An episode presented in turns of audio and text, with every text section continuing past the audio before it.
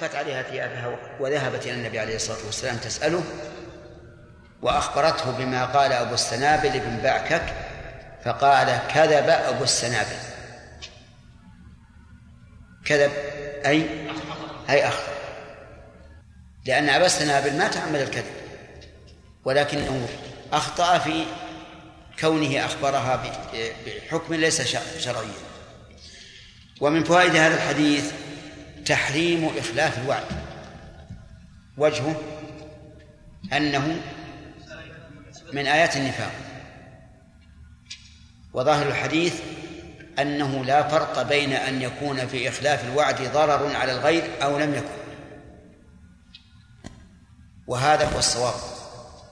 أن الوفاء بالوعد واجب سواء تضمن ضررا أم لم يتضمن. أما إذا تضمن ضررا فلا شك في تحريمه. مثل أن يأتيني رجل يستقرض مني مالا ليشتري به حاجة سيارة أو بيت أو غير ذلك. فأقول فيقول لي أنا الآن ليس عندي شيء. أقول اذهب لا توفيني إلا بعد سنة. فالآن وعدته أنني إيش؟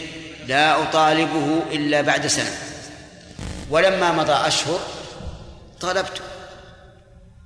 قلت أعطني قرض. هذا إخلاف ولا لا؟ إخلاف. فيكون حراما. ولهذا كان القول الراجح أن القرض إذا أجل يتأجل وأنه لا يجوز للمقرض أن يطالب به حتى يتم الأجل. وذهب كثير من العلماء إلى أن الوفاء بالوعد ليس بواجب بل هو سنة. لكن لا وجه لما قالوا. وكيف نقول إن الكذب حرام والإخلاف ليس بحرام مع أن الحديث واحد وهو, وهو آية النفاق. ومن فوائد هذا الحديث الرد على أولئك الذين يتبجحون بالغربيين ويقولون هم أهل الوفاء بالوعد. وإذا أراد أحدهم أن يؤكد الوفاء قال وعد إنجليزي سبحان الله يعني الإنجليز هم أهل الوفاء والمسلمون ليسوا أهل الوفاء.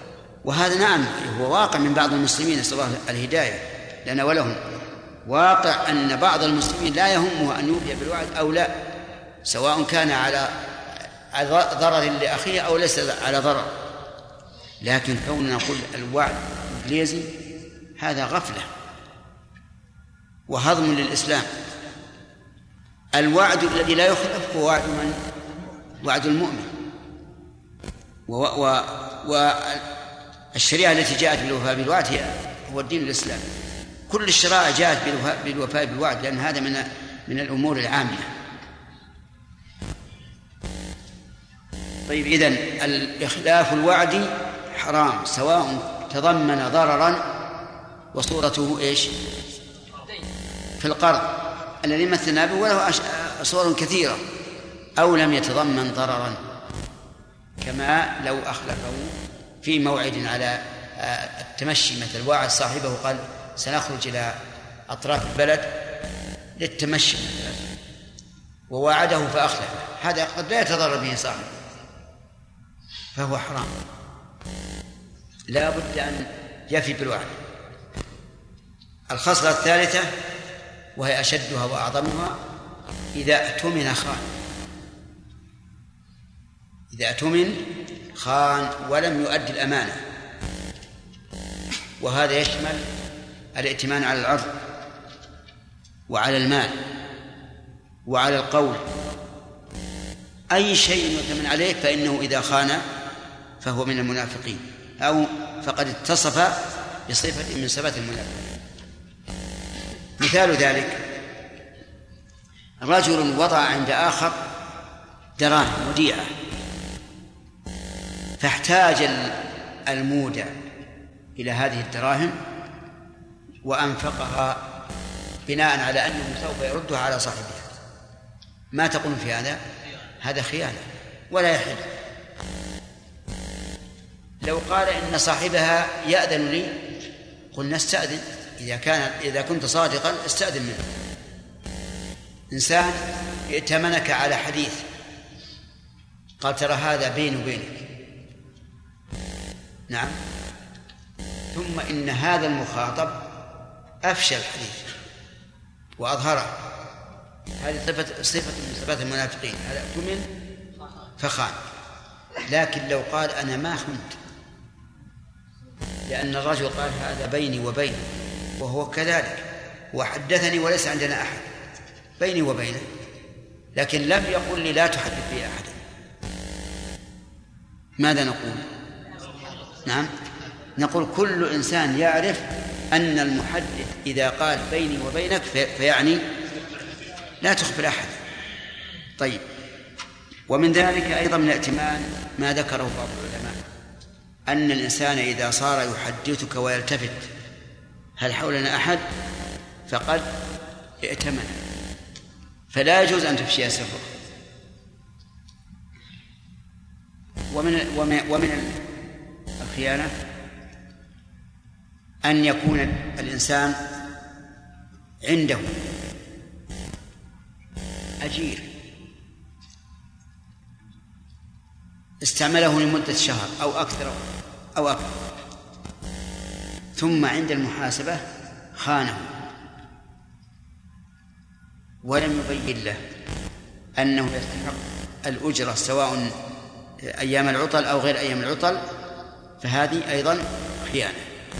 والمهم أن الخيانة هي الغدر في موضع الائتمان. طيب.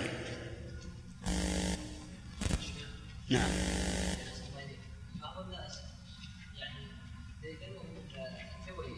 إيش؟ تولية. حتى أنك لا تعلم. كل كلام تولية يا شيخ. أعوذ بالله. فهل ينبغي هذا للطلبة؟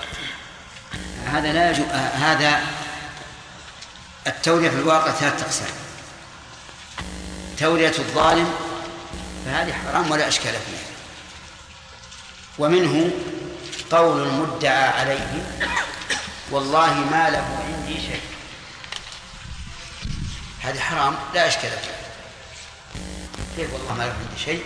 يعني اختصم رجلا عند القاضي فادعى أحدهما على الآخر بأن عنده بأن في ذمته له ألف ريال.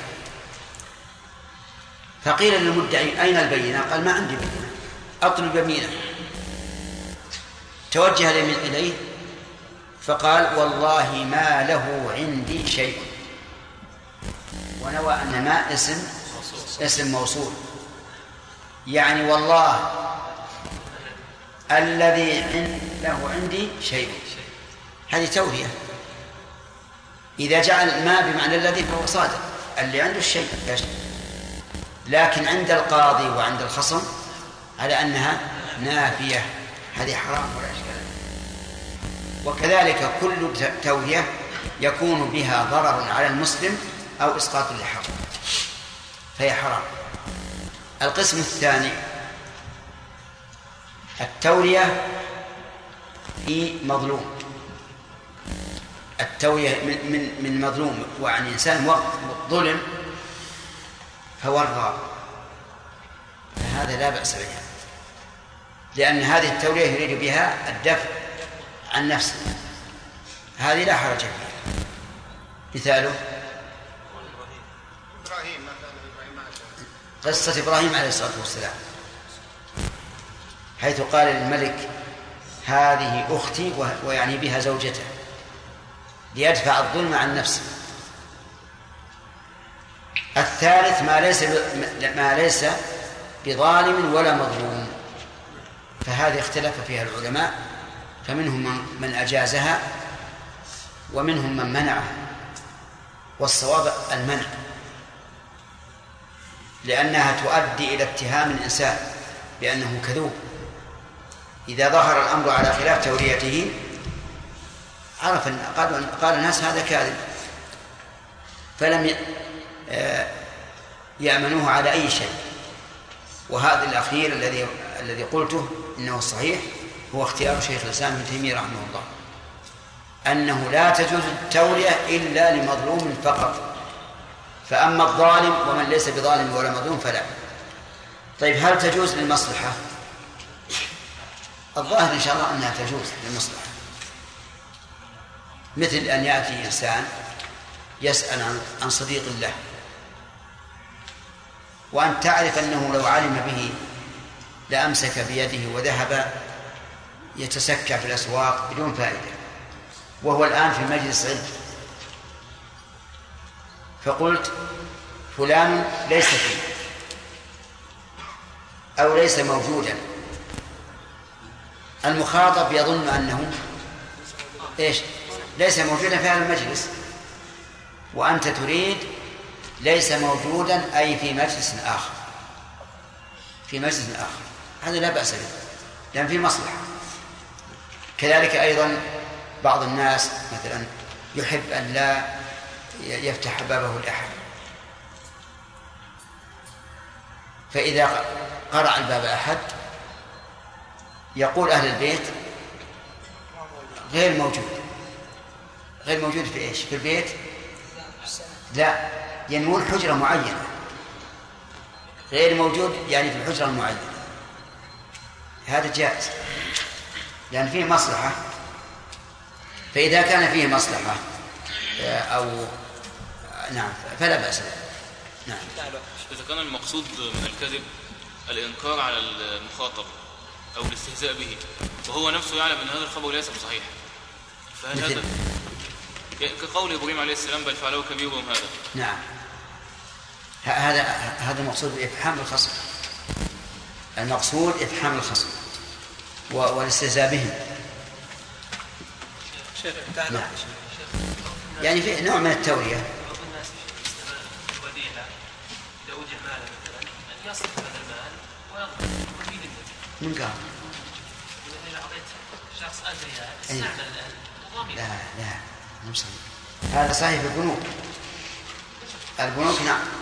لكن لو أب... مثلا أبي, أبي هالربطة هذه يقول خذ هذه جزاك الله خير حطها عندك. ما حد يتصرف فيها. ومن تصرف فيها فهو معتدي.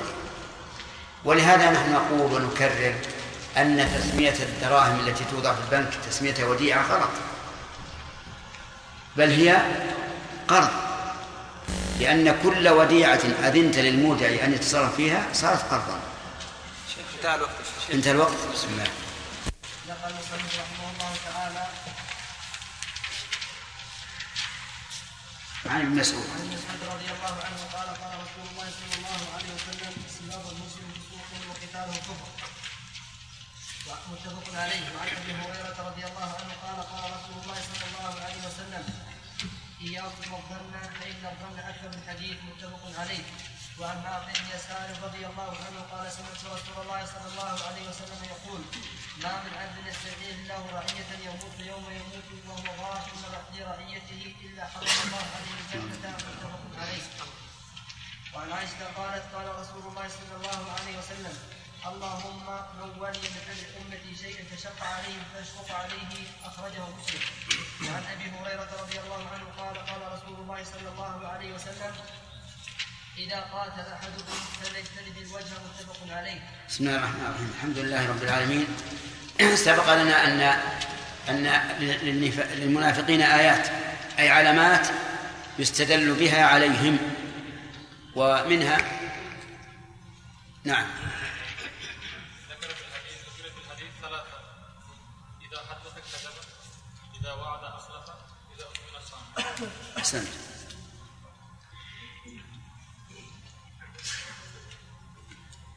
هل في الحديث ما يدل على وجوب الوفاء بالوعد؟ الأخ نعم أه كيف ذلك؟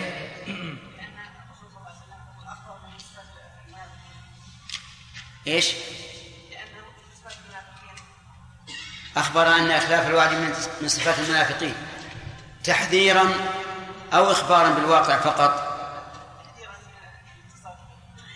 تحذيرا من من صفاته أحسنت هل يلزم الوفاء بالوعد ولو تضرر الواعد؟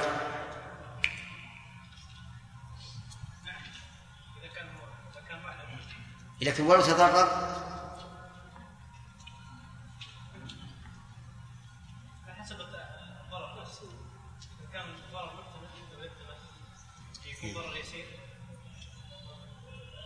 يعني إذا كان ضررا كبيرا فإن فإنه معذور بإخلاف الموعد وإن كان يسيرا فلا بأس. افرض أنه وعد شخصا الساعة الخامسة.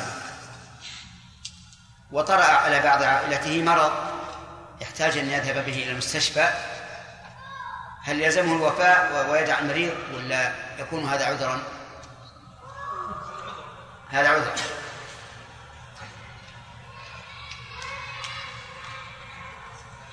إذا اؤتمن خان نعم. من علامات المنافقين. نعم. لكن لو كان لو أن أحدا من الناس أعطاك وديعة قال هذه الدراهم احفظها عندك. وكنت تطلبه دراهم وقد جحدها. فهل يجوز لك أن تأخذ هذه الوديعة عوضا عن الدراهم التي لك عنده؟ لا لا يجوز. لا يجوز؟ لا يجوز. لأن هذه الخيانة في موضع الائتمان. لا يجوز. هو جاهد الدراهم. جاهد الدراهم. خانني من قبل. ولو. أن هو عصى الله فأنا أطيع الله. كلمة ولو هذه ما هي ما هي جواب. هل عندك دليل؟ نعم. ها. قول النبي صلى الله عليه وسلم أدي الأمانة إلى من ائتمنك ولا تخن من خانك. أحسنت. نعم. أد الأمانة إلى أمانة ائتمنك ولا تخن من خانك. قال العلماء إنه يجوز لمن وجبت له النفقة على شخص وامتنع من إعطائه أن يأخذ من ماله بلا علم. فما مدى صحة هذا القول؟ خالد صحيح. صحيح؟ الدليل.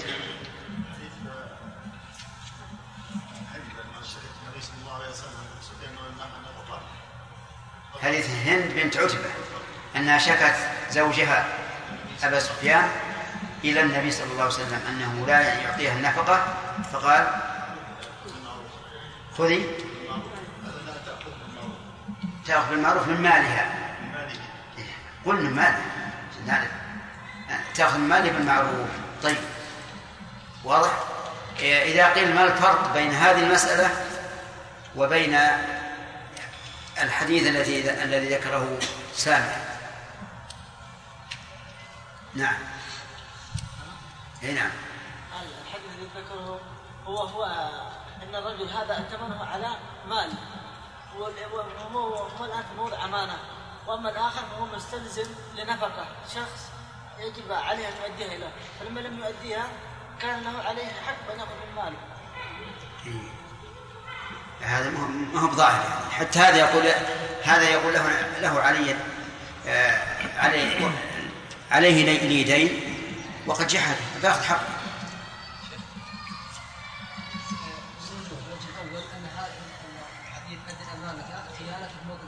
نعم. وأما ذاك فلا. الأمر الثاني أن هذا الطريق أن حديث بنت عتبة ليس لها طريق إلا هذا. وأما ذاك فيمكن بطريق أخرى واو. يعني يرفع إلى إلى الحاكم. وهذا يرفع الحاكم. ولكن لما رفعت الحاكم ارشد إلى هذا الطريق. نعم المهم هذا يرفع هذا ما هي علة. لا يقول العلماء رحمهم الله إن إذا كان سبب الحق ظاهرا فلا بأس أن تأخذ من ماله قدر حقك. كالنفقة الواجبة والضيافة إذا نزلت بقوم لضيافتهم ولم يضيف يضيفوك فلك أن تأخذ من مالهم بغير علم لأن السبب ظاهر. بخلاف الدين فإن السبب غير معلوم للناس. ولو أبيح للإنسان أن يفعل أن يأخذ قدر حقه ممن جحد دينه لحصل في هذا فوضى. لكن كل واحد يأخذ من المال الثاني يقول إيش؟ يقول لي عليه دين. أما النفقة والضيافة فهذا أمرها ظاهر. هكذا فرق العلماء رحمهم الله. وقالوا إنه إن مسألة الظفر جائزة بشرط أن يكون سبب الحق إيش؟ ظاهرا. لا لا يلوم أحد به. إذا خاصم فجر وهو الخصلة الرابعة معناها محجوب. إذا خاصم الرجل نعم.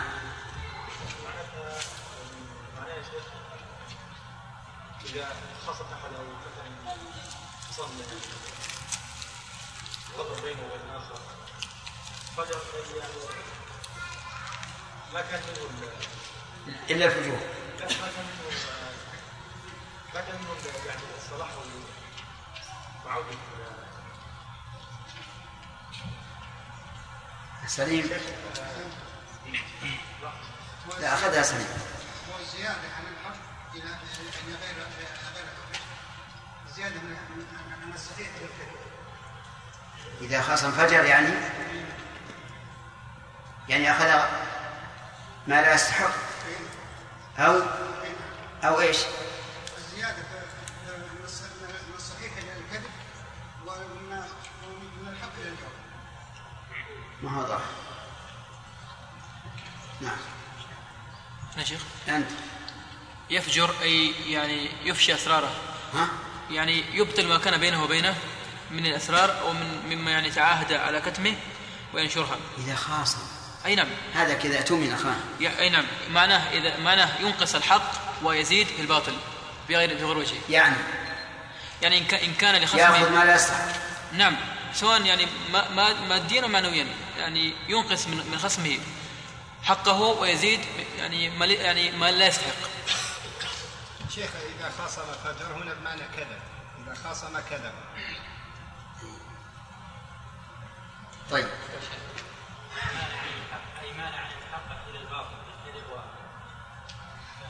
إذا خاصم فجر نقول عشان ما عن الوقت. إذا خاصم فجر في الخصومة فادعى ما ليس له أو كتم ما وجب عليه. هذا هذا هذا طيب. ثم ننتقل إلى حديث ابن مسعود رضي الله عنه. قال قال رسول الله صلى الله عليه وعلى آله وسلم سباب المسلم فسوق وقتاله كفر. سباب مصدر سب يسب سبا وسبابا. والمسلم هو من من شهد أن لا إله إلا الله وأن محمد رسول الله والتزم بأحكام الإسلام. والفسوق الخروج عن الطاعة. مأخوذ من قولهم فسقت الشجرة الثمرة إذا خرجت من قشرها. وقتاله أي قتال المسلم كفر. والكفر والردة أو أو ما يقاربها. يخبر النبي عليه الصلاة والسلام أن من سب المسلم فهو فاسق. سباب المسلم فسوق. فإذا سب أحد من المسلم أحد من المسلمين أخاه فقد فسق.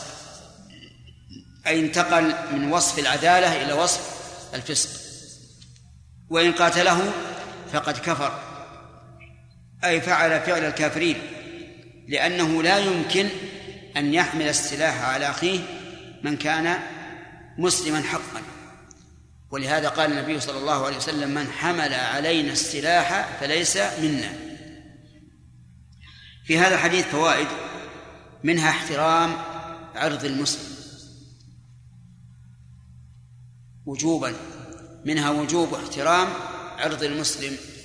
وجه الدلالة أن سبه فسوق. ويستثنى من ذلك ما إذا سبه ردا على سبه. ما إذا سبه ردا على سبه فإنه ليس فسقا لقوله تعالى وإن عاقبتم فعاقبوا بمثل ما عوقبتم به. ولقول النبي صلى الله عليه وسلم المستبان ما قالا فعلى البادئ منهما. المستبان ما قالا فعلى البادئ منهما. ما لم يعتدل المظلوم. نعم. ومن فوائد هذا الحديث أن الفسق دون الكفر. وجه ذلك أن الفسق صار جزاء للسب والسب أهون من القتال. وعظم العقوبة يدل على عظم العمل والذنب. ومن فوائد هذا الحديث أن قتال المسلم كفر. ولكن هل هو الكفر المخرج عن الملة أو لا؟ نقول لا ليس الكفر المخرج عن الملة. والدليل على هذا قول الله تبارك وتعالى وإن طائفتان من المؤمنين اقتتلوا فأصلحوا بينهما. فإن بغت إحداهما على الأخرى فقاتلوا التي تبغي حتى تفيء إلى أمر الله. فإن فاءت فأصلحوا بينهما بالعدل وأقسطوا إن الله يحب المقسطين. إنما المؤمنون إخوة فأصلحوا بين أخوين وهذا قتال صريح. فسمى الله تعالى الطائفتين المقتتلتين إخوة لمن؟ للطائفة التي تصلح بينهما. فدل هذا على أن القتال كفر لا يخرج عن الملة. ولهذا لم يقل قتاله الكفر. قال كفر أي من خصال الكفر. لأنه لا يمكن أن يحمل السلاح على المسلم إلا من كان كافرا. فإن قال قال فما تقولون في قتله؟ قلنا كذلك القتل أشد من القتال.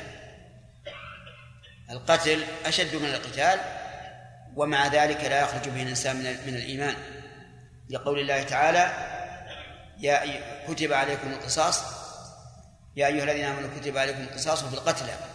الحر بالحر إلى قوله فمن عفي له من أخيه شيء فاتباع بالمعروف وأداء إليه بإحسان. فجعل الله المقتول أخا للقاتل.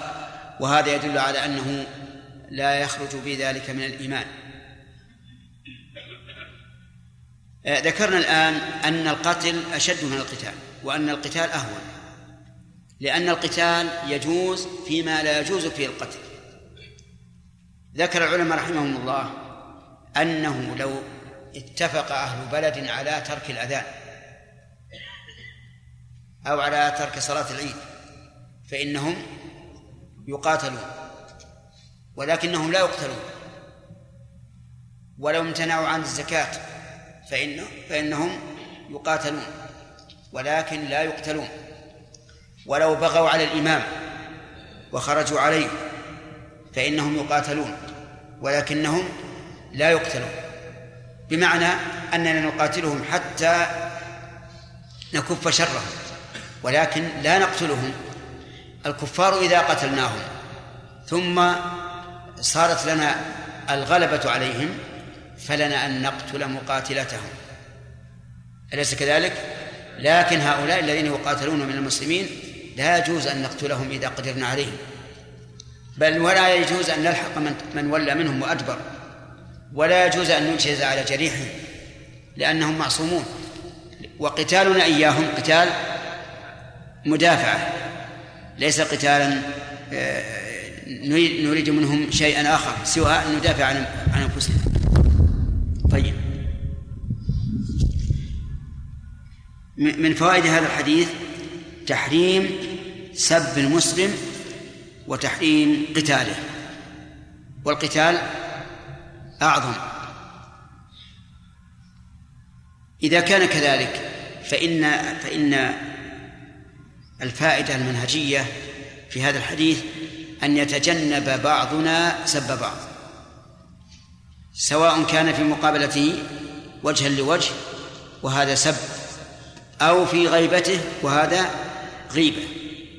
فكلاهما حرام كلاهما كبيرة من كبائر الذنوب. وإذا كان كذلك فإنه لا يحل لنا أن يسب بعضنا بعضا لا في لا في مقابلته ولا في غيبته. ولا سيما إذا كانوا طلبة علم. فإن الواجب على أهل العلم في هذه الأمور أكثر من الواجب على غيرهم. وإذا كنا نقول لعامة الناس إن الغيبة من كبائر الذنوب فإننا نقول لطلبة العلم الذي يغتابه بعض الذين يغتاب بعضهم بعضا إنها من كبائر الذنوب وزيادة.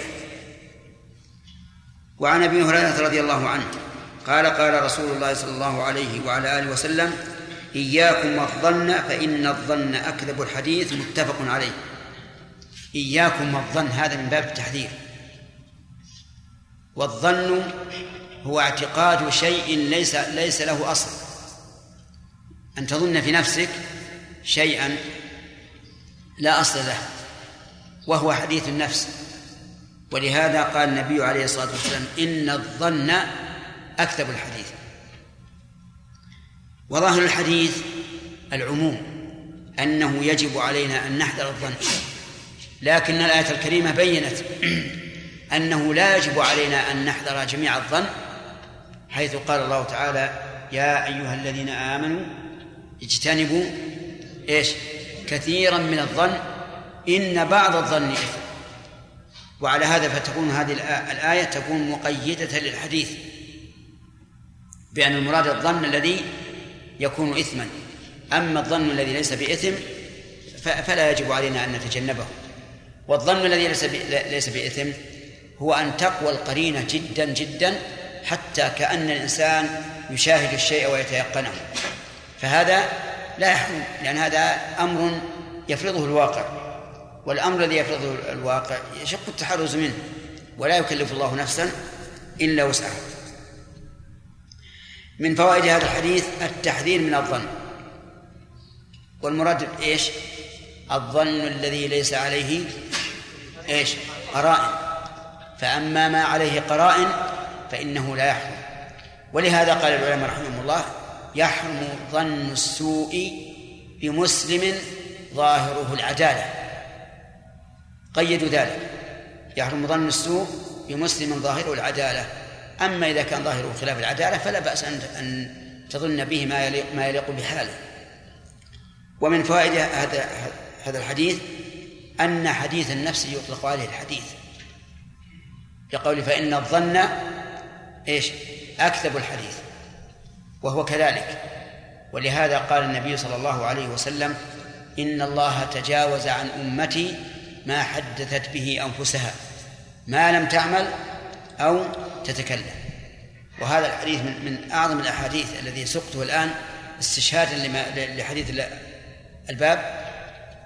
إن الله تجاوز عن أمتي ما حدثت به أنفسها ما لم تعمل أو تتكلم. ما أكثر الأحاديث الذي تحدثنا به أنفسنا فيما يتعلق بالله أو يتعلق بعباد الله أو يتعلق بخاصة النفس. أحاديث كثيرة لكنها والحمد لله لا أثر لها لا أثر لها لأنها لأنها من مما عفي عنه.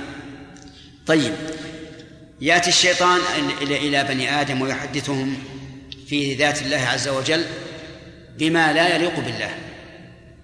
فهل يأثم؟ لا يأثم. ما لم يركن إلى هذا الحديث ويصدق به فإن ركن إليه وصدق به حكم عليه بما يقتضيه ذلك. وأما إذا كان مجرد طارئ على النفس ولكنه دافعه أو أعرض عنه فإنه, فإنه لا يضره. ومن فوائد الحديث حسن تعليم الرسول عليه الصلاة والسلام. وذلك أنه لما ذكر الحكم ذكر العلة. وتعليل وذكر العلة يقتضي تنشيط النفس على قبول الحكم لأن الإنسان يطمئن إلى ما يعرف علته أكثر مما يطمئن إلى ما لا يعرف علته. وإن كان تمام العبودية لا يكون إلا إذا استسلم الإنسان لما يعلم علته وما لا وما لا يعلم. لكن لا شك أنه إذا ذكرت الله ازداد الإنسان طمأنينة. ولا حرج على الإنسان أن يزداد طمأنينة فيما يكون به ذلك. فها هو إبراهيم الخليل عليه الصلاة والسلام. قال لله تعالى رب أرني كيف تحيي الموتى. قال أولم تؤمن؟ قال بلى ولكن ليطمئن قلبي. ثم قال المؤلف عن معقل بن يسار رضي الله عنه قال سمعت رسول الله صلى الله عليه وسلم يقول ما من عبد يسترعيه الله تعالى رعية يموت يوم يموت وهو غاش لرعيته إلا حرم الله عليه الجنة متفق عليه. هذا حديث عظيم. يجب على الإنسان أن يكون نصب عينيه دائما وأبدا. ما من عبد يسترعيه الله رعية. هل هذا يختص بالإمام الأعظم أو بمن هو نائب عنه؟ كالوزراء والأمراء أو هو عام؟ عام. الدليل قول النبي صلى الله عليه وسلم كلكم راع وكلكم مسؤول عن رعيته. الرجل راع في أهله. استرعاه الله عليه إذا مات وهو غاش لهؤلاء الأهل فإنه يقول فإن النبي صلى الله عليه وسلم يقول حرم الله عليه الجنة.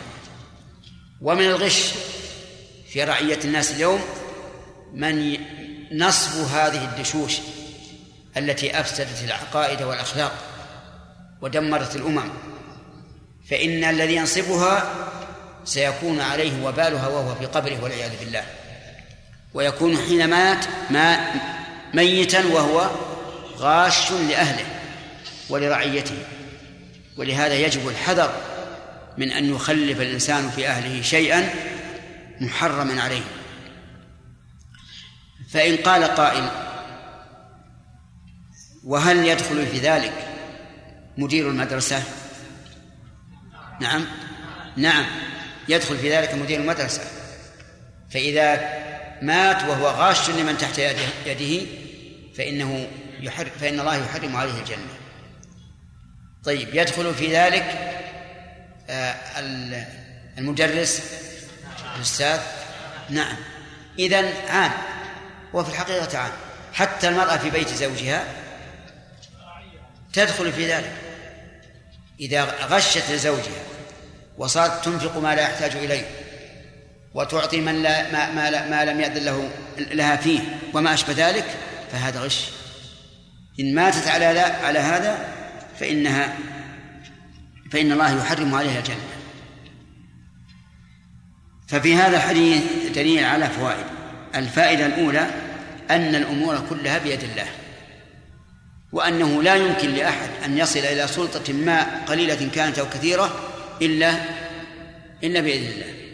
دليل ذلك ما من عبد يسترعيه الله. ومن فوائد هذا الحديث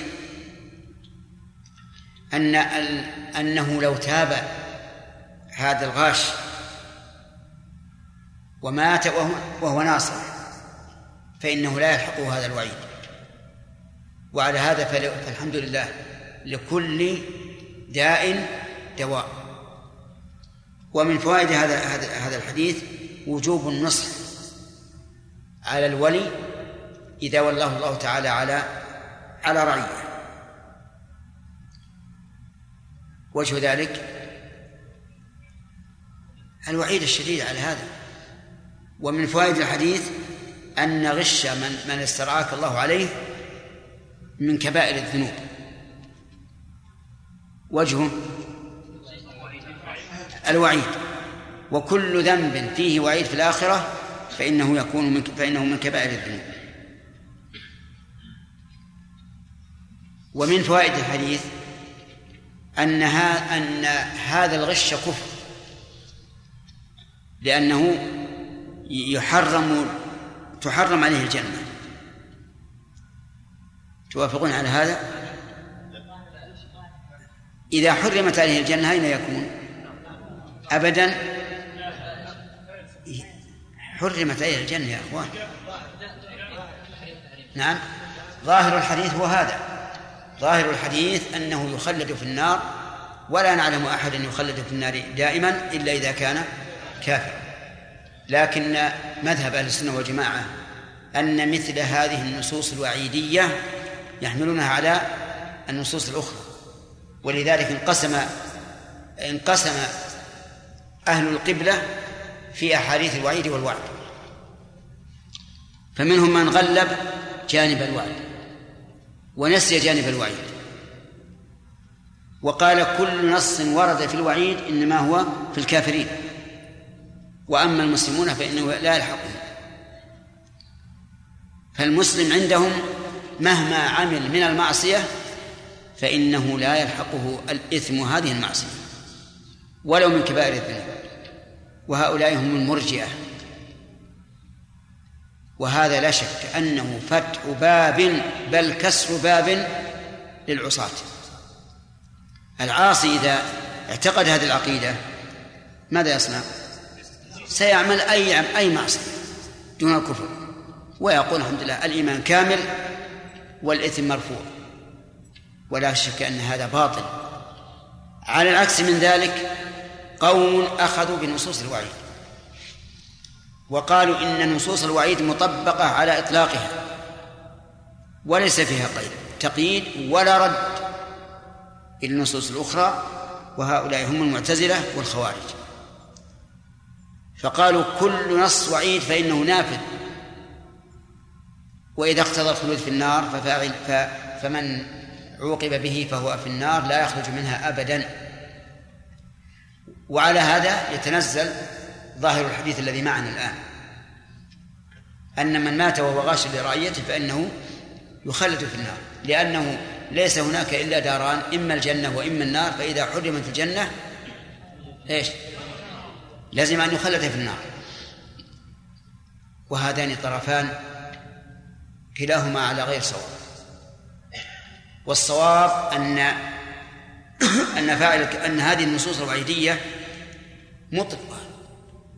تقيد بالنصوص الأخرى الدالة على أن من في قلبه أدنى مثقال حبة خردل من إيمان فإنه إيش؟ لا يخلد. وبذلك نعمل بين النصوص. واعلم أن هذا هو شأن كل خلاف يقع في الأمة على طرفي نقيض فإن سببه أن الناظر ينظر من جانب واحد أي بنظر أعور فينظر من جانب واحد ويحمل النصوص على هذا الجانب. فإذا قال قائل على على مذهب السنة كيف نخرج هذا الحديث وأمثاله؟ نقول إن دخول الجنة دخولان دخولان. إن دخول الجنة دخولان. دخول مطلق لم يسبق بعذاب ودخول مقيد. نسميه مطلق دخول وهو الذي يسبقه العذاب فما المراد بالدخول هنا؟ الدخول المطلق. يعني أن الله يحرم عليه أن يدخل الجنة دخولا مطلقا لم يسبق بعذاب. لم يسبق بعذاب. إذا لا بد أن يعذب ثم إيش؟ ثم يدخل. فيكون إلا حرم الله عليه الجنة يعني إلا حرم الله عليه الجنة حتى يعاقبه. فإذا قال قائل إذا قلتم هكذا فهل تكون مثل هذه مثل هذه النصوص مخصصة لعموم قول الله تعالى إن الله لا يغفر أن يشرك به ويغفر ما دون ذلك لمن يشاء وأن يقال لمن يشاء إلا من ورد أنه لا بد أن يعذب ولو لم يكن مشركا فإنه لا يغفر له. نقول هذا الاحتمال وارد. وارد. وأن نقول إن النصوص الدالة على تعذيب فاعل شيء من من من الأعمال تخصص قوله ويغفر ما دون ذلك لمن يشاء. فيكون المعنى ويغفر ما دون ذلك لمن يشاء إلا إيش؟ إلا إذا ورد أنه لا بد أن يعاقب عليه. كما في الآية كما في هذا الحديث. وهذا وجه قول. وقال بعضهم إن هذا الحديث يخصص بالآية. فيكون فيكون هذا مطلقا ويخصص بالآية ويقال إنه إن فاعله داخل تحت المشيئة. وعلى وعلى هذا التقدير يعني لو لو أننا تنزلنا جدلا لهذا الاحتمال وهو خلاف الظاهر فإننا نقول وفاعل المعصية التي لا تغفر بالحسنات مخاطر. من يضمن أنه يدخل في قوله تعالى ويغفر في قوله تعالى لمن يشاء؟ هل أحد يضمن؟ لا أحد يضمن. إذن فالإنسان مخاطر على كل حال. ومن فائدة هذا الحديث إثبات الجنة وهو كذلك. هذا أمر يعني قد يقول قائل إن قولك من فوائد الحديث إثبات إثبات الجنة كقول القائل السماء فوقنا والأرض تحتنا. نعم. أو قول الآخر كأننا والماء من حولنا إيش؟ قوم جلوس حولهم ماء. لأن هذا أمر معلوم بالضرورة. فيقال إن زيادة الأدلة يزداد بها اليقين. زيادة الأدلة يزداد بها اليقين. لكن نحن عندنا علم يقيني بوجود الجنة والنار. نعم. وعن عائشة رضي الله عنها قالت قال رسول الله صلى الله عليه وسلم اللهم من ولي من أمر أمتي شيئا فشق عليهم فاشقق عليه قد يكون هذا الحديث ضد الأول. من ولي من أمر أمتي شيئا شيئا نكرة في سياق الشر فيعم أي شيء يكون. فشق عليهم أي حملهم ما يشق عليهم. فاشقق عليهم. وهذا الذي دعا بهذا الدعاء من؟ الرسول عليه الصلاة والسلام. وهو دعاء بما تقتضيه حكمة الله عز وجل. فإن الجزاء من جنس العمل. فكما أن الإنسان شق على عباد الله فإن الله تعالى يشق عليه. ومن جملة المشقة عليه أن يتمادى في فيما يشق على المسلمين. لأنه كلما تمادى فيما يشق على المسلمين فإن الله يشق عليه فيكون ذلك من عقوبته والعياذ بالله. وقوله فشق عليهم هذا يستثنى منه المشقة التي أمر بها. المشقة التي أمر بها. فمثلا قال النبي صلى الله عليه وسلم مروا أبناءكم بالصلاة السبع واضربوهم عليها لعشر والضرب قد يشق على الإنسان لكن هذا أمر مما أذن فيه. وقال تعالى الزانية والزاني فاجلدوا كل واحد منهما مئة جلدة ولا تأخذكم بهما رأفة في دين الله. وهذا مشقة لكنها مشقة مأمور بها. و وثبت عن النبي عليه الصلاة والسلام أن الزاني المحصن يرجع وهذا إيش؟ مشقة لكنها مأمور بها. فالمهم أن قوله فشق عليهم أي مشقة لم يؤمر بها. أما إذا أمر بها فإن الله يقول في الزاني والزانية ولا تأخذكم بهما رأفة في دين الله. من فوائد هذا الحديث أنه يندب أو يجب على من تولى شيئا من أمور المسلمين أن يرفق بهم ما استطاع لأن لأنه إذا رفق بهم رفق الله به. وإذا شق عليهم شق الله عليه. ومن فوائد هذا الحديث حرص النبي صلى الله عليه وسلم وشفقته على أمته. وجه الدلالة أنه دعا على من ولي من أمر أمته شيئا فشق عليه. ومن فوائده أن الجزاء من جنس العمل لأن النبي صلى الله عليه وسلم لم يطلب شيئا أكثر مما عمل هذا الرجل. ومن فوائده أنه يجوز للإنسان أن يأخذ بحقه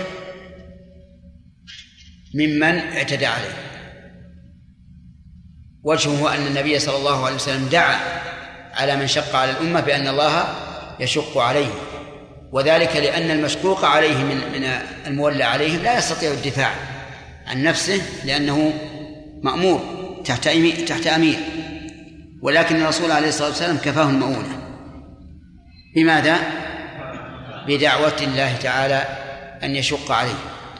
فإن قال قائل أفلا يحتمل أن الله لا يجيب دعوته؟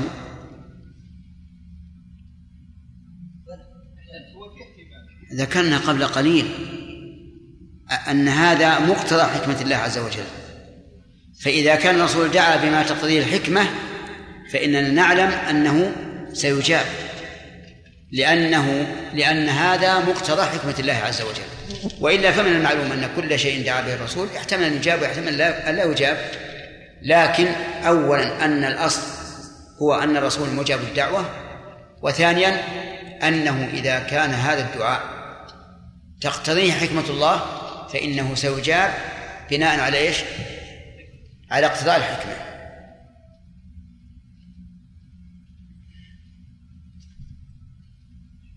أتى أظن نعم. السبب الظاهر وغير الظاهر إيش؟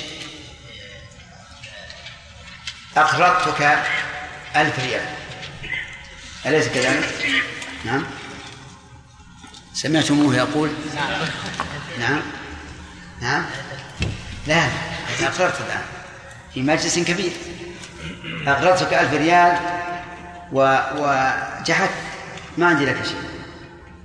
هل هؤلاء القوم يعلمون أنك آه أني أقرضتك نعم.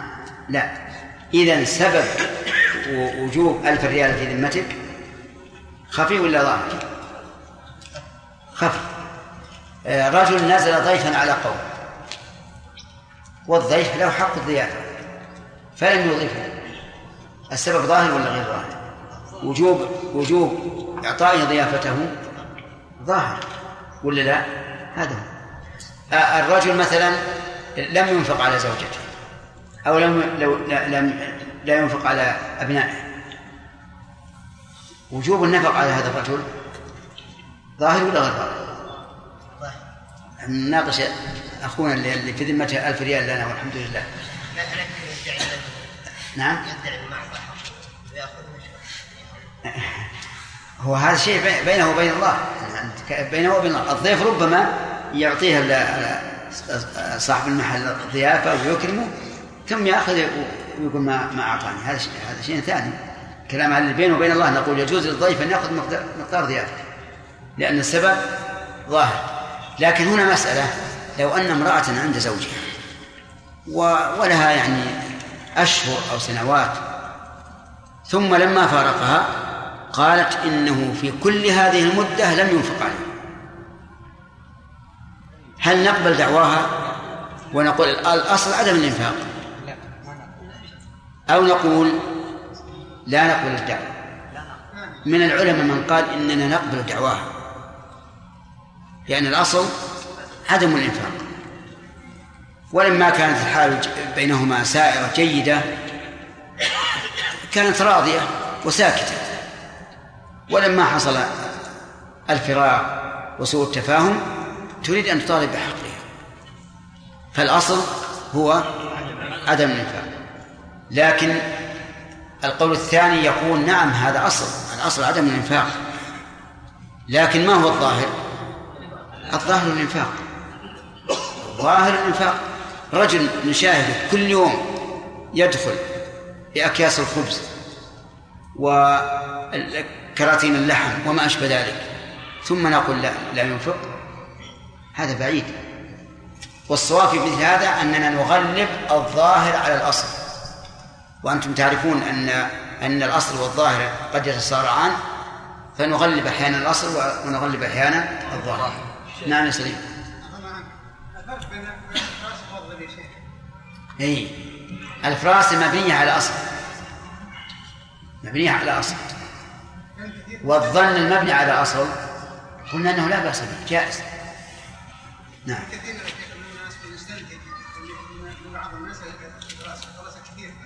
اي نعم. اي بس عاد لا تسرف في- الفراسة. أخشى أن الإنسان إذا أسرف لو يجد إنسانا آه، يعني وجهه في- بأصل الخلقة ليس ذاك الوجه النير خلاص هذا والعياذ بالله قد اسود وجهه من المعاصي كما اسود قلبه. هذا ما يصير.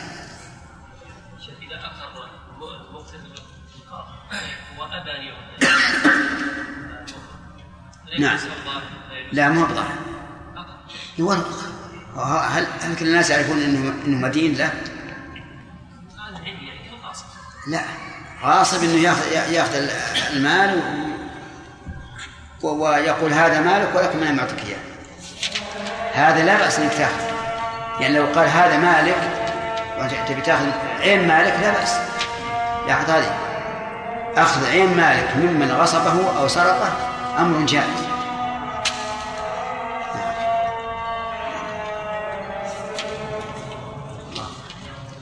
والصلاة قائمة آت محمدا الوسيلة والفضيلة وبث مقام محمود النواه شيخ أكرمك الله. آه، ما ضابط ما يكون سبا في الشجار الذي يقع بين الناس؟ لأنه بعض الأحيان إذا قلت للرجل أخي لا تسب هذا وهم يتشاجران قال لا أنا أذكره بما فيه أن يكون تجريحا له. فقط ما ضابط ما يكون سبا من الأقوال؟ هو ذكر الإنسان بما يكره إن كان بحضوره فهو سب وإن كان في- في غير حضوره فهو غيبة ولو كان فيه هذا ضابط ولو كان فيه نعم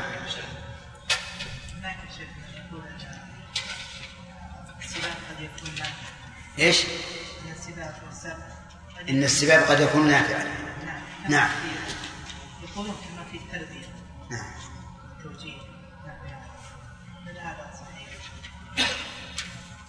لا هذه هذه قد تكون عقوبة.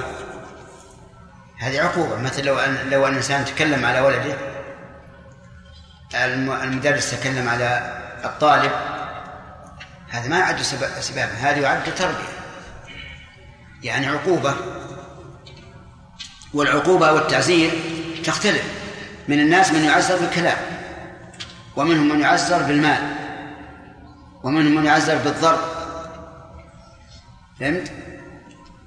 الخ... الخجول يعزر بإيش؟ بالنظر بالكلام. والبخيل؟ بالمال. بالمال. المال لا. لا لا تحركه سوى اللي تبي. هذا هذا بالنسبة للبخيل. فالناس يختلفون في مسألة التعزير. نعم.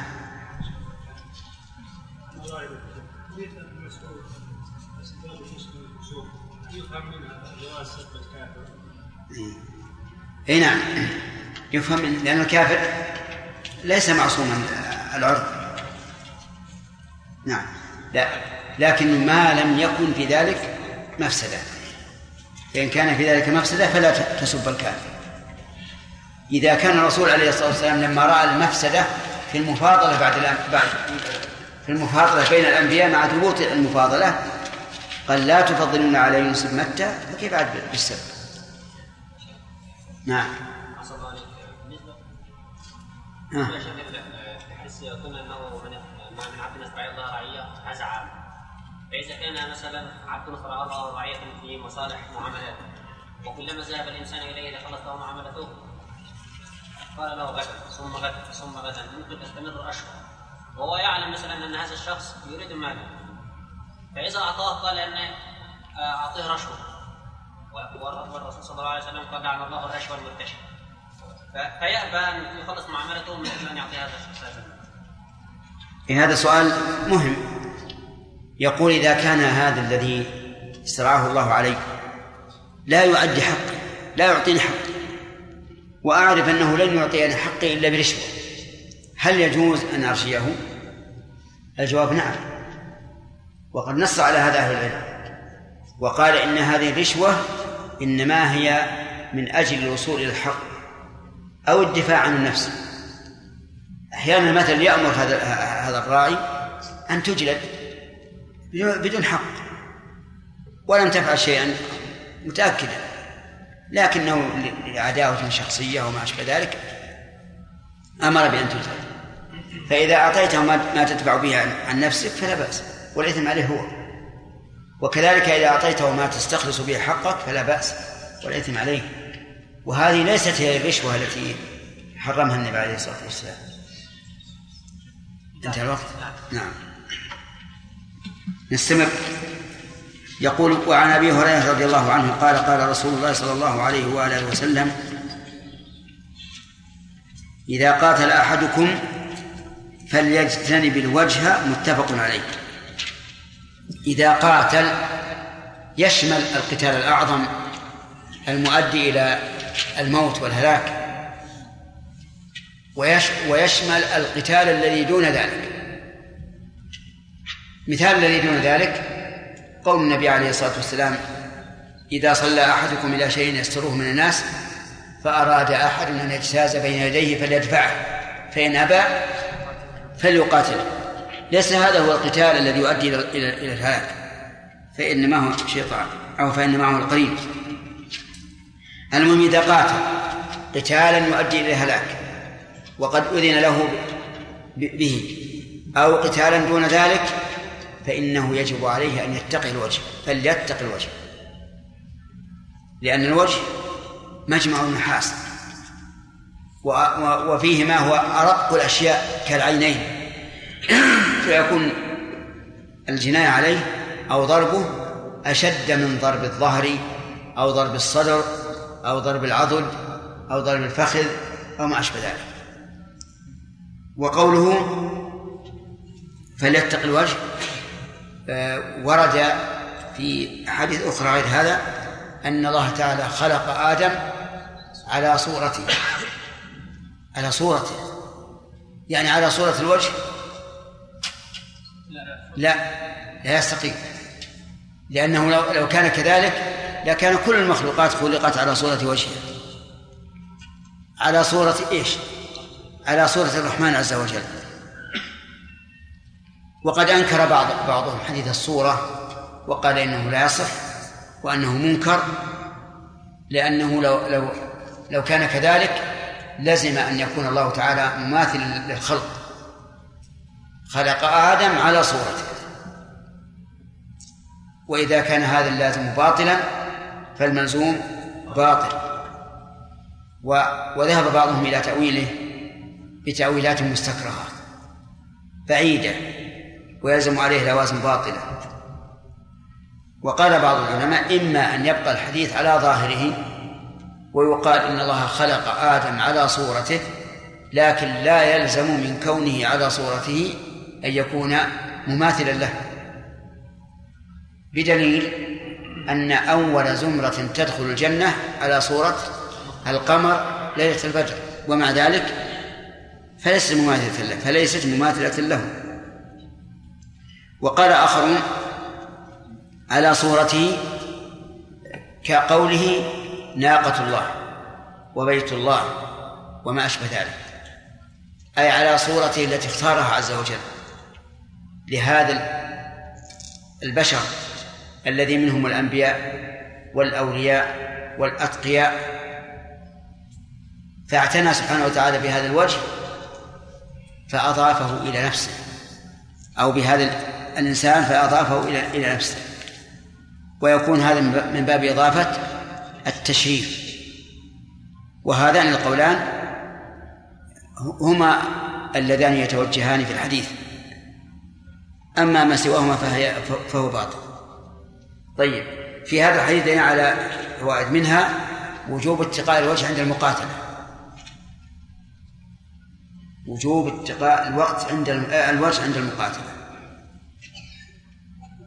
ويتفرع على هذا جواب سؤال سألني عنه بعض بعض الإخوة في الصباح. وهو ما يسمى بالملاكمة. والمصارعة. سألني عن الملاكمة وعن المصارعة.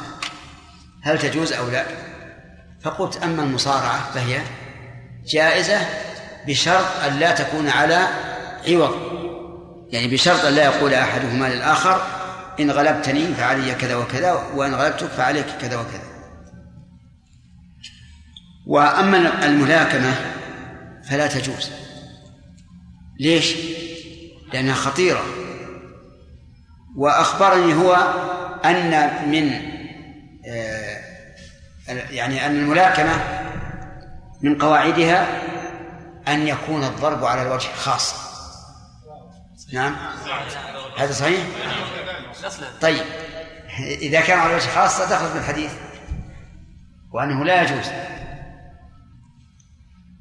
فصارت صارت محرمة من وجهين. أولا أنها أنه يقصد بها الوجه قصدا أوليا وقد نهي عن ذلك والثاني أن فيها خطرا. لو ضرب هذا الملاكم أخاه على صدره أو على كبده أهلكه. لا سيما وأنهم كما وصفوا يأتون بانفعال شديد. نعم. وكأنهم يريدون أن يقفزوا على بعضهم على بعض. هكذا؟ اي نعم. اذا معناه هذا خطر. لا المصارعة يتمسكون و يتعافسون ها؟ كيف؟ شيخ يرمون بعض كيف؟ المصارعة أنواع انواع أنا ما يكون في الوجه يصارعوا بوجهه كيف؟ يعفوا كذا لا يعني يضربون الوجه ها؟ يقصدون الوجه كال- كالملاكمة لا الملاكمة ضرب كذا باليد وكذلك المصارعة على كل حال كل ما أدى إلى ضرب الوجه هو محرم. وكل ما صار سببا يعني خطيرا فإنه يمنع. الله يقول ولا تقتلوا أنفسكم إن الله كان بكم رحيما نعم. ومن فوائد هذا الحديث أن الوجه في الحق هو جمال الإنسان. ولهذا أمر باتقائه عند المقاتلة يتفرع من هذا مسألة الحجاب. الحجاب الآن لا نشك أن أنه أنه يجب على المرأة أن تغطي وجهها عن عن عن الرجال الأجانب الذين ليسوا من محارمها. وأن هذا مقتضى الحكمة. وأنه ليس من مقتضى الحكمة إطلاقا أن يقال للمرأة يجب عليك أن تستري قدمك ولا يجب أن تستري وجهك. أيهما أشد فتنة؟ الوجه. أشد فتنة وأولى بالستر والإنسان إذا خطب امرأة ليس يقول للسفير ابحثي عن عن قدمها وإنما يقول عن وجهه. أما القدم فهو أمر ثاني. صحيح أن أنه يقصد أن يكون جميلا لكنه ليس هو الأول. أهم شيء الوجه. فكيف يقال إن الوجه الذي هو محل الرغبة ومحط الفتنة. لا بأس من كشفه من كشفه. وأن القدم يجب أن تستر كيف تأتي الشريعة بهذا؟ فإذا قالوا جاءت الشريعة بهذا من أجل أن تهتدي المرأة إلى طريقها. قلنا هذا علة عليلة. لأنه يمكن أن تهتدي إلى طريقها بإيش؟ بالنقاب. تهتدي بالنقاب. أو بالخمار تضعه على هكذا طلع عليه على نصف الوجه مثلا. وأما أن أن تكشف هذا الوجه فهذا حرام. ثم إن المرأة في الحقيقة قاصرة. إذا أذن لها بكشف الوجه أتظنون أنها ستقتصر على الوجه بطبيعته؟ أبدا.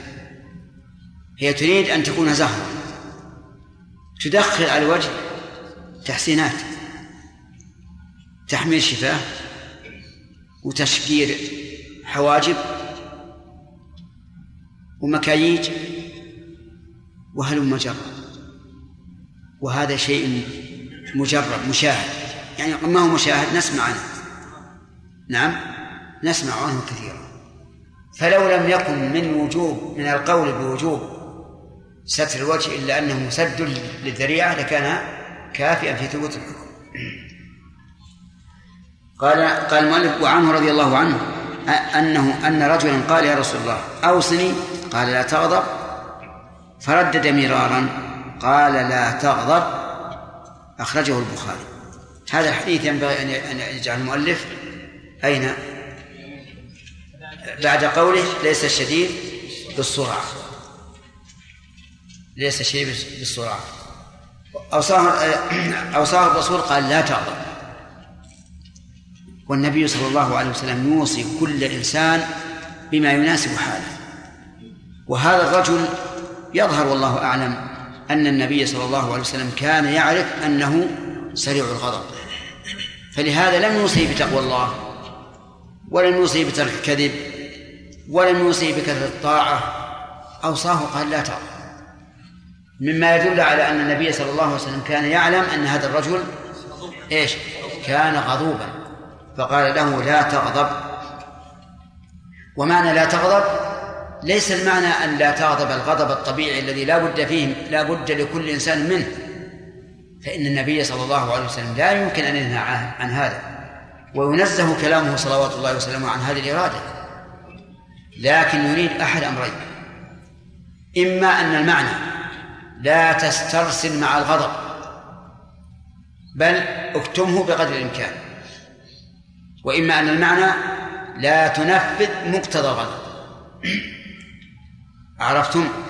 الأول واضح. أن الإنسان يسترسل ويزداد غضبا وشيطا وأما الثاني فينفذ مقتضى الغضب وأما مجرد الغضب فلا بد لكل إنسان حي القلب أن يغضب عند وجود السبب ولا يمكن أن يتخلف الغضب فإن قال قائل ما دواء الغضب؟ قلنا له أدوية أولا أن يكون الإنسان قويا. يغلب نفسه ولا تغلبه. دليل هذا؟ إنما الشديد الذي يملك نفسه عند الغضب. ثانيا أن يستعيذ بالله من الشيطان الرجيم. لأن النبي صلى الله عليه وسلم قال للرجل الذي رآه غاضبا قال إني أعلم كلمة لو قالها لذهب عنه ما يجب. لو قال أعوذ بالله من الشيطان الرجيم. ومناسبة الاستعاذة عند الغضب ظاهرة جدا لأن الغضب جمرة يلقيه الشيطان في قلب ابن آدم. الثالث أن يتوضأ. فإن النبي صلى الله عليه وسلم أمره أمر الغاضب أن يتوضأ. ووجه ذلك أن الوضوء فيه تبريد الأعضاء تبريد الأعضاء. وفيه أن الإنسان يشتغل عن الغضب بعمل. ما هو العمل؟ الوضوء.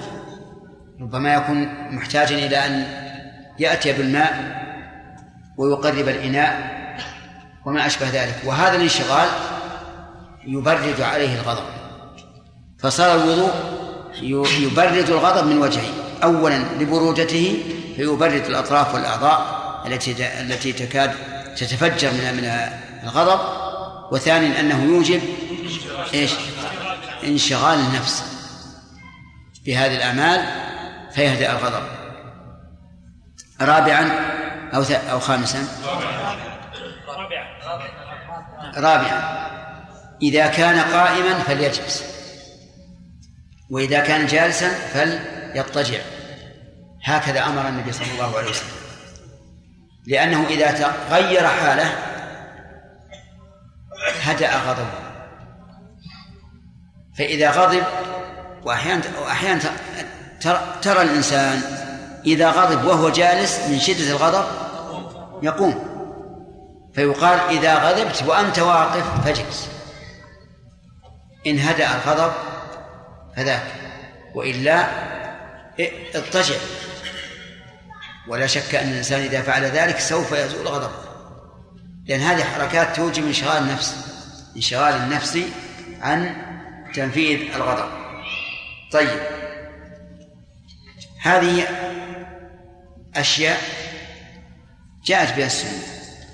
هناك أيضا شيء آخر وهو مغادرة المكان. مغادرة المكان. يعني إذا غضبت على أهلك فاخرج من البيت. اخرج حتى يهدأ الغضب. وكم من إنسان إذا بقي في مكانه يخاصم ويضاد فإنه لا يزيد بذلك إلا غضبا. لكن إذا انصرف على طول وترك المكان هدأ غضبه. طيب. آه، فمن فوائد هذا الحديث حكمة النبي صلى الله عليه وسلم حيث يوصي كل إنسان بإيش؟ بما يليق بحاله. ومن فوائده أنه ينبغي للمجيب أن ينظر إلى حال السائل فيخاطبه بما يليق بحاله. الإنسان العامي تخاطب بإيش؟ بلغة عامية واضحة ليس فيها تعقيد لو أنه لو سألك سائل مثلا عامي قال ما تقول في من أكل لحم إبل؟ أيصلي بلا وضوء أم لا بد أن يتوضأ؟ فقلت لا لا بد يتوضأ. هل من المستحسن أن تقول لا بد أن يتوضأ لقول النبي صلى الله عليه وسلم توضأوا من لحوم الإبل. وقد اختلف العلماء رحمهم الله في هذا أله حكمة أم لا؟ فقال بعض العلماء إنه تعبدي لأن كل حكم شرعي لا نعقل معناه فهو تعبدي. وقال بعض العلماء بل فيها حكمة. والحكمة أن الرسول أمر بذلك وامتثال أمر النبي صلى الله عليه وسلم حكمة. وقال آخرون بل الحكمة هو أن الإبل خلقت من الشيطان من الشياطين كما جاء في الحديث. وقال آخرون بل الحكمة أن لحم الإبل يثير الأعصاب. ولهذا نهى الأطباء عن آه، كثرة أكل لحم الإبل ممن كان عصبيا. انتهى الجواب. إيش يعمل؟ الظاهر أنك الجواب الأول اللي هو محط الفائدة يضيع عليه. فأنت آه، كلم كل مخاطئ كل سائل بما يتحمله عقله وبما يناسب حاله. لكن هنا مسألة مهمة وهو أن الإنسان إذا جاءك يسأل. ورأيت ورأيته على معصية ولنفرض أنها حلق اللحية أو إسبال الثوب فمن المستحسن أن تعرض عليه النصيحة لأنه جاء إليك كالمضطر. ولأن هذه طريق الرسل. يوسف لما جاءه صاحب السجن صاحب على اثنين ماذا قال لهما عند استفتائهما؟ قال يا صاحبي السجن أأرباب متفرقون خير أم الله واحد القهار؟ وهذه تفوت كثيرا من من طلبة العلم. تجد السائل يسأل ويجي وينصرف. لكن إذا حصل لك فرصة أن تمسك هذا الرجل إن لم يكن عندكما أحد فهذا واضح. وإن كان عندكما أحد قل له انتظر أو اهمس بأذنه. فبهذا خير كثير. وتأثير تأثير بليغ. نعم.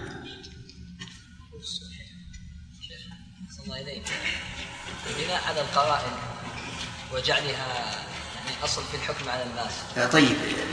ما ما انتهينا من الفوائد نكمل هذا الحديث. من فوائد هذا الحديث أنه يجوز للسائل أن يردد السؤال. استثباتا للأمر لا اعتراضا عليه. لأن هذا الرجل كان يقول أوصني يقول لا تغضب أوصني لا تغضب وكأن هذا الرجل استهان بهذه الوصية العظيمة. قال لا تغضب. كان يريد شيئا آخر. لكن وصاه الرسول بهذه الوصية. فعلى هذا نقول يجوز أن يكرر السائل السؤال إذا كان يترقب جوابا آخر. أما إذا كان لا يترقب جوابا آخر فلا فائدة من إعادة السؤال.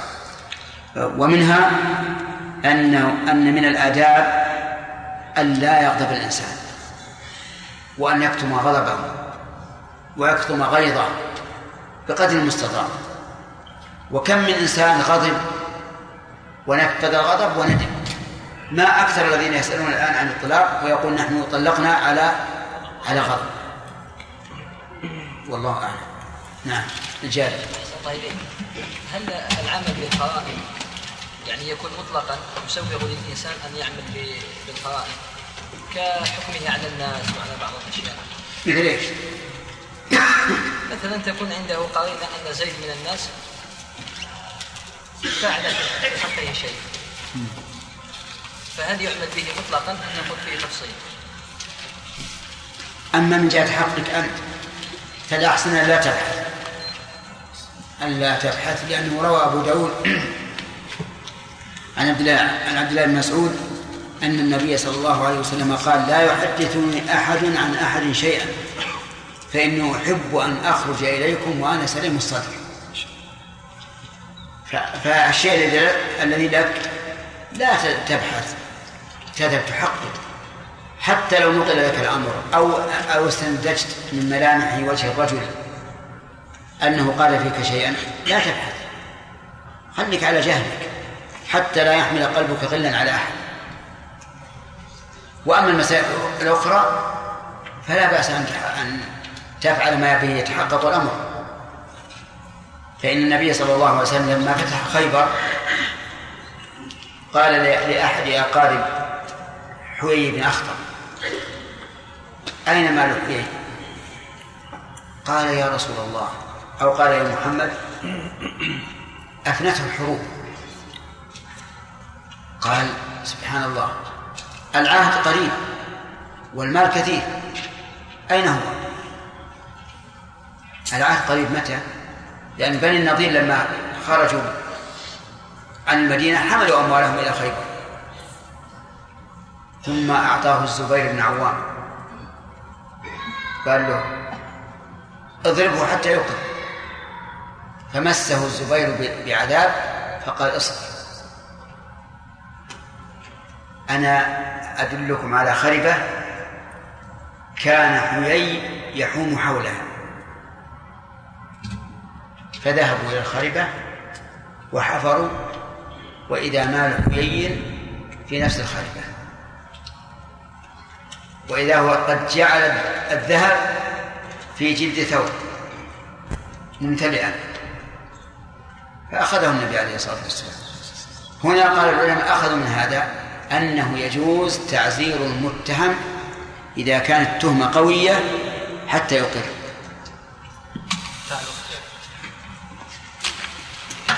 مهم مدينة ولذلك إن شاء الله تعالى الليلة المقبلة سنحضر كتاب جامع العلوم والحكم اللي عنده نسخة يحضرها لما أجي أن نقرأ حديث آه، شرح حديث النعمان بن بشير. الحلال بين والحرام بين لأن ابن راجب رحمه الله تكلم عليه كلام لا, لا أظنه يرى في غيره غدا إن شاء الله. اللي عنده من هذا النسخة يجي الرحمن الرحيم. الحمد لله رب العالمين والصلاة والسلام على نبينا محمد وعلى آله وصحبه أجمعين. نقل المصنف رحمه الله تعالى عن خولة الأنصارية رضي الله عنها قال قال رسول الله صلى الله عليه وسلم إن الرجال يتفوضون في مال الله بغير حق فلهم النار يوم القيامة. أخرجه البخاري. وعن أبي ذر رضي الله عنه عن النبي صلى الله عليه وسلم فيما يرويه عن ربه قال يا عبادي إني حرمت الظلم على نفسي وجعلت بينكم محرما فلا تظالموا أخرجه مسلم. وعن أبي هريرة رضي الله عنه أن رسول الله صلى الله عليه وسلم قال أتدرون ما الغيبه؟ قالوا الله ورسوله أعلم. قال ذكرك أخاك بما يكره. قيل فرايت إن كان في أخي ما أقول قال إن كان فيما تقول فقد ارتد وإن لم يكن فيه فقد بهته أخرجه مسلم. بسم الله الرحمن الرحيم قبل أن نبدأ الدرس يقول هذا جملة معتمده على نبينا محمد وعلى آله وأصحابه ومن تبعهم بإحسان إلى يوم الدين. آه، سبق لنا أن النبي صلى الله عليه وسلم دعا على من ولي من, من أمر أمته شيئا فشق عليهم أن يشق الله عليه فهل هذا مقيد بشيء؟ نعم. بماذا؟ بماذا؟ أحسنت. أن تكون غير مأمور بها في الدين فإن أمر بها؟ فليشق عليه. طيب. في آية من القرآن تدل على هذا؟ آية من القرآن؟ أي نعم. لا تأخذكم الزانية؟ فاجلدوا. ولا تأخذكم بهما رأفة في دين الله إن كنتم تؤمنون بالله واليوم الآخر. طيب أحسنت. هل يشمل هذا من ولي من أمر أمتي شيئا؟ محمد. ما حضرت ها؟ ما حضرت أمس. ما حضرت؟ طيب. يشمل كل من كل من تولى شيئا؟ نعم يقول عليه الصلاه والسلام مراع كل مسؤول عن رعيته يعني حتى الرجل لو شق على أولاده مثلا. نعم. طيب. بارك الله فيك. آه، إذا مات الإنسان الذي سرعه الله على رعية وهو غاش لرعيته عقيل. ما جزاؤه؟ حرم على الجنة. وهذا يقتضي أن يكون كافرا؟ لا يقتضي. لماذا؟ للنصوص الأخرى. وهو أن الغش لا يخرج من الملة. إذا كيف يحرم الله عليه الجنة؟ لأن إذا حرم الله عليه الجنة صار مأواه النار.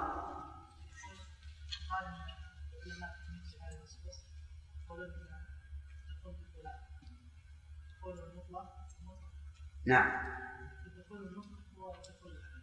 الذي لم يسبق بعذاب. طيب. الدخول المطلق الذي لم يسبق بعذاب. ومطلق الدخول هو الذي سبق بعذاب ثم دخل صاحبه الجنة. هذا الذي معنا الآن. حرم الله على الجنة. أي أي نوعين؟ اللي هم الدخول. الدخول المطلق. حرمه على حرم الله عليه الجنة أي منعه منها. ليس منعا دائما بل أن يكون آه، المانع في الدخول المطلق. طيب. هل يدل هذا على أن الغش من كبائر الذنوب؟ صالح. يدل على أنه من كبائر الذنوب. كيف؟ لأن الرسول عليه الصلاة والسلام رتب على عقوبه خاصة. نعم. الخاصة يدل على أنه من كبائر لأن الرسول رتب عليه العقوبة الخاصة وهي وعيد بحرمانه من دخول الجنة. هل هناك أيضا وعيد آخر على من غش الأخ؟ اي نعم.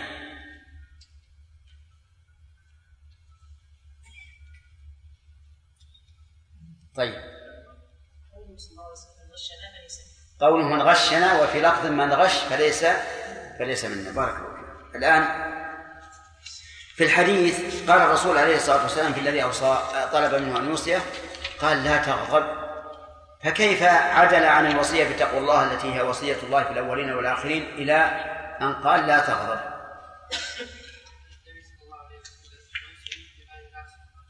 أحسنت.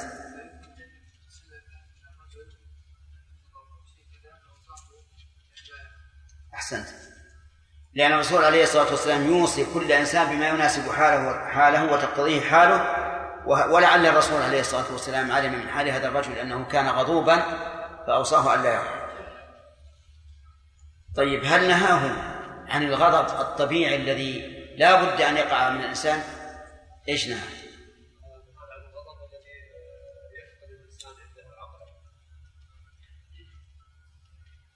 نهى عن الاسترسال في الغضب وتنفيذ عن؟ الاسترسال في الغضب. الاسترسال في الغضب.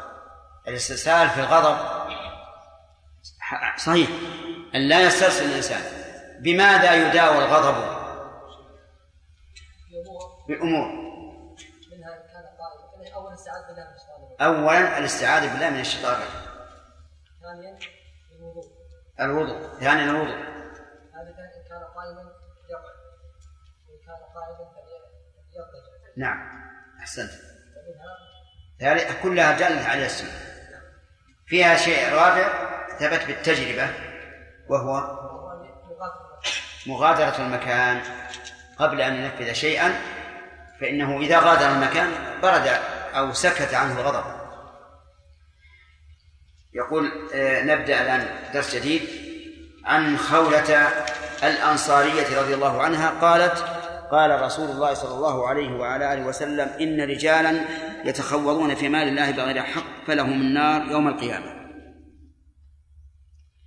خولة امرأة. فكيف قبلنا خبرها وهي امرأة؟ والله عز وجل يقول فإن لم يكونا رجلين فرجل وامرأتان والنبي صلى الله عليه وسلم جعل شهادة المرأتين بشهادة رجل. الجواب أن هذا من باب من باب الإخبار. الديني والإخبار الديني يستوي فيه المرأة والرجل. حتى لو أن المرأة شهدت بغيب بغروب الشمس فإن للصائم أن يفطر. ولو شهدت برؤية الهلال فإن على الناس أن يصوموا. وهي امرأة. قال لأن هذا خبر ديني فقبلت فيه المرأة. يقول عليه الصلاة والسلام إن رجالا ورجال هذه نكرة في سياق الإثبات. والنكرة في سياق الإثبات تدل على الإطلاق. لا تدل على العموم. فكأنه قال إن من الرجال. لأن النكرة في سياق الإثبات تدل على الإطلاق إلا في موضع واحد إذا كانت في سياق الإثبات على وجه الامتنان فإنها تكون للعموم. إن رجالا يتخوضون في مال الله يتخوضون من الخوض والخوض هو الشيء الباطل الذي يتصرف فيه الإنسان تصرفا أهوج. كما قال تعالى بل هم في خوض إيش؟ يلعبون. والتخوض في المال نوعان سابق ولاحق. فأما التخوض السابق فمعناه أن أن يكتسب الإنسان المال من أي وجه كان حلال أو حرام. المهم أن يجمع المال. هذا تخوض نقول إنه تخوض إيش؟ سابق على كسب المال. والتخوض اللاحق هو الذي يكون بعد كسب المال لا يحسن التصرف فيه. يتخوض